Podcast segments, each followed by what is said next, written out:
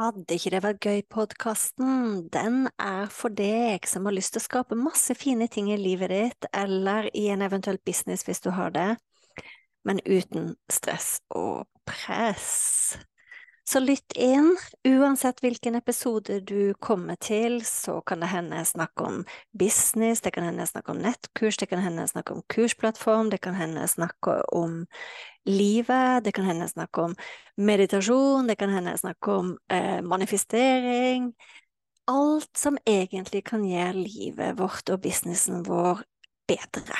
Når jeg starta opp, så var det sånn at eh, den podkasten her heter Fantastiske nettkurs. Det heter den ikke lenger. Er ikke det gøy?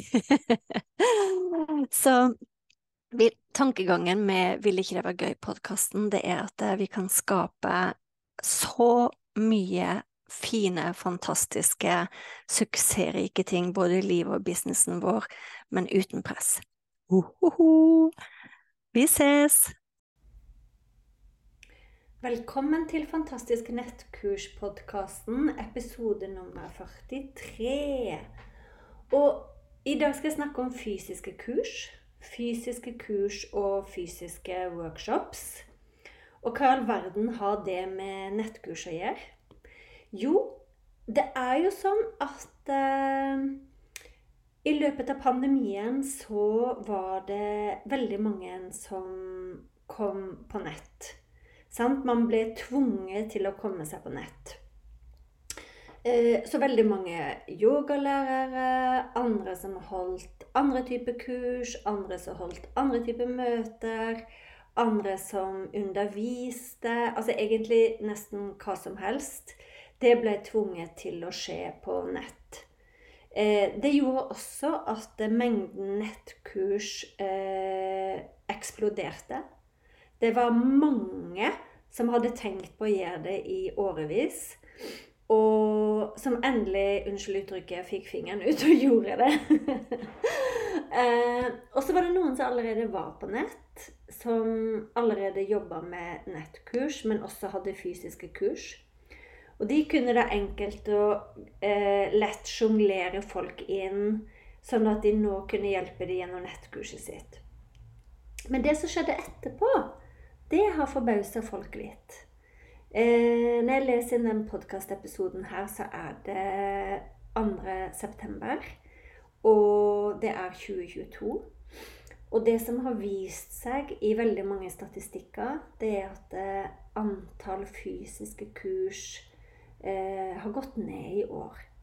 Så jeg hører det når med mange ulike aktører jeg hører det når jeg snakker med folk som leier ut eh, lokaler. Jeg hører det når jeg snakker med f.eks. yogalærere som har blitt overraska over at ikke folk kommer løpende tilbake på fysiske kurs.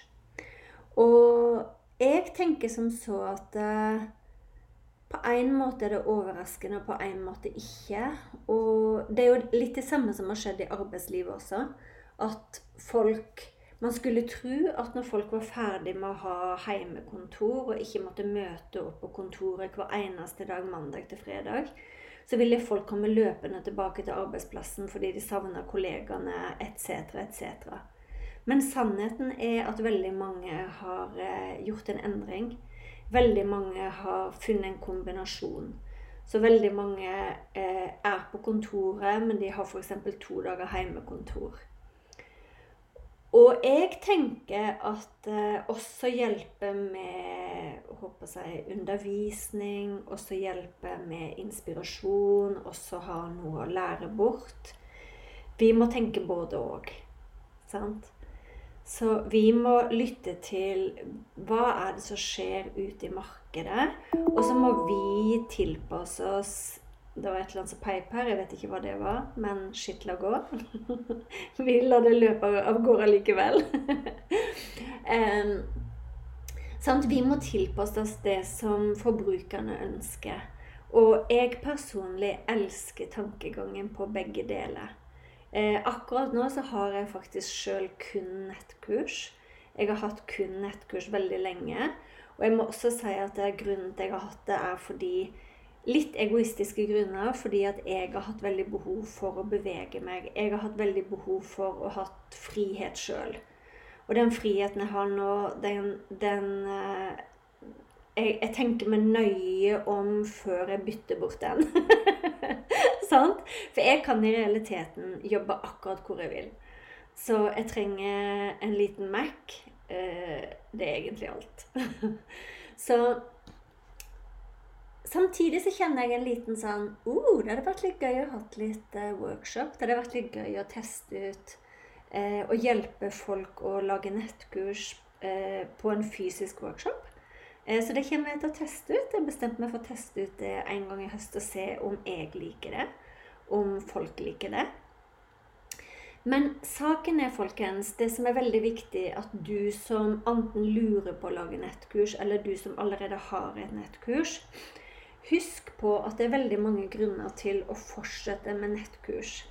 Eh, det er veldig mange grunner til at du kan tilby begge deler. Så Den ene grunnen er jo at hvis du tenker på forbrukeren der ute Det finnes fortsatt folk som ikke orker å reise langt av gårde for å gå på et kurs. Det finnes mange der ute som faktisk ikke har tid.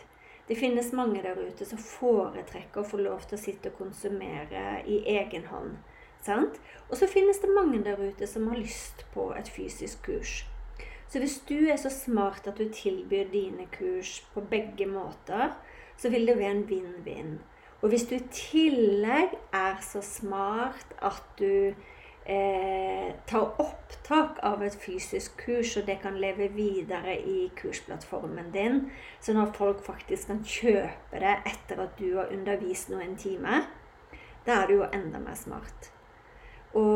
Jeg er overbevist om at den energien som skjer idet man har en workshop, den energien er like stor om du møter opp fysisk som om du har det over nett. Og ikke nok med det, at den energien lever videre etterpå for folk som ser opptaket. Så nå skal jeg bli litt spirituell her, eh, for det kan så henge med på det spirituelle så er det jo noen som lurer på er tid noe som er reelt. Så er det sånn at vi skal stole på at når folk trenger tilgang til det du underviser i, så finner de den workshopen de skal ha. Og den lever videre.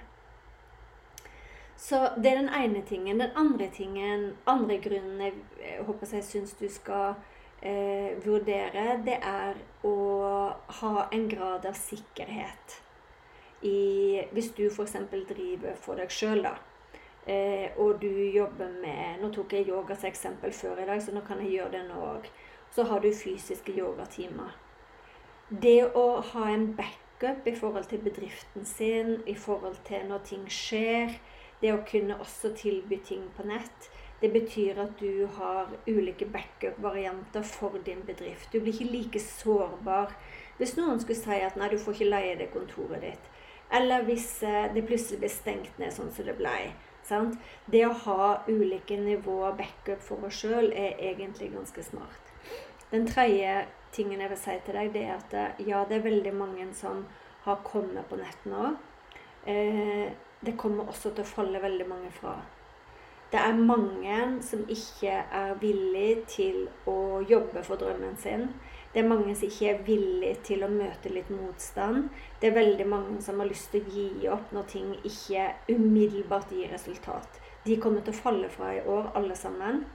Og du som mener alvor, som er der fordi du har lyst til å dele det som du kan, fordi du har lyst til å dele det du brenner for, fordi du har lyst til å være kreativ, fordi du har lyst til å følge din drøm om en større fleksibilitet i framtida. Du klarer det. Du gir deg ikke. Sant? Så det var egentlig det jeg ville si til deg nå. At uh, det er ikke helt som forventa at alle skulle strømme tilbake til det fysiske. Mange har fått smaken på både og. La oss gi dem både og. Sant?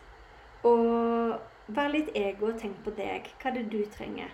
Er du i en livssituasjon med små barn? Kanskje, har du ikke tid til å drive og holde masse, masse workshops.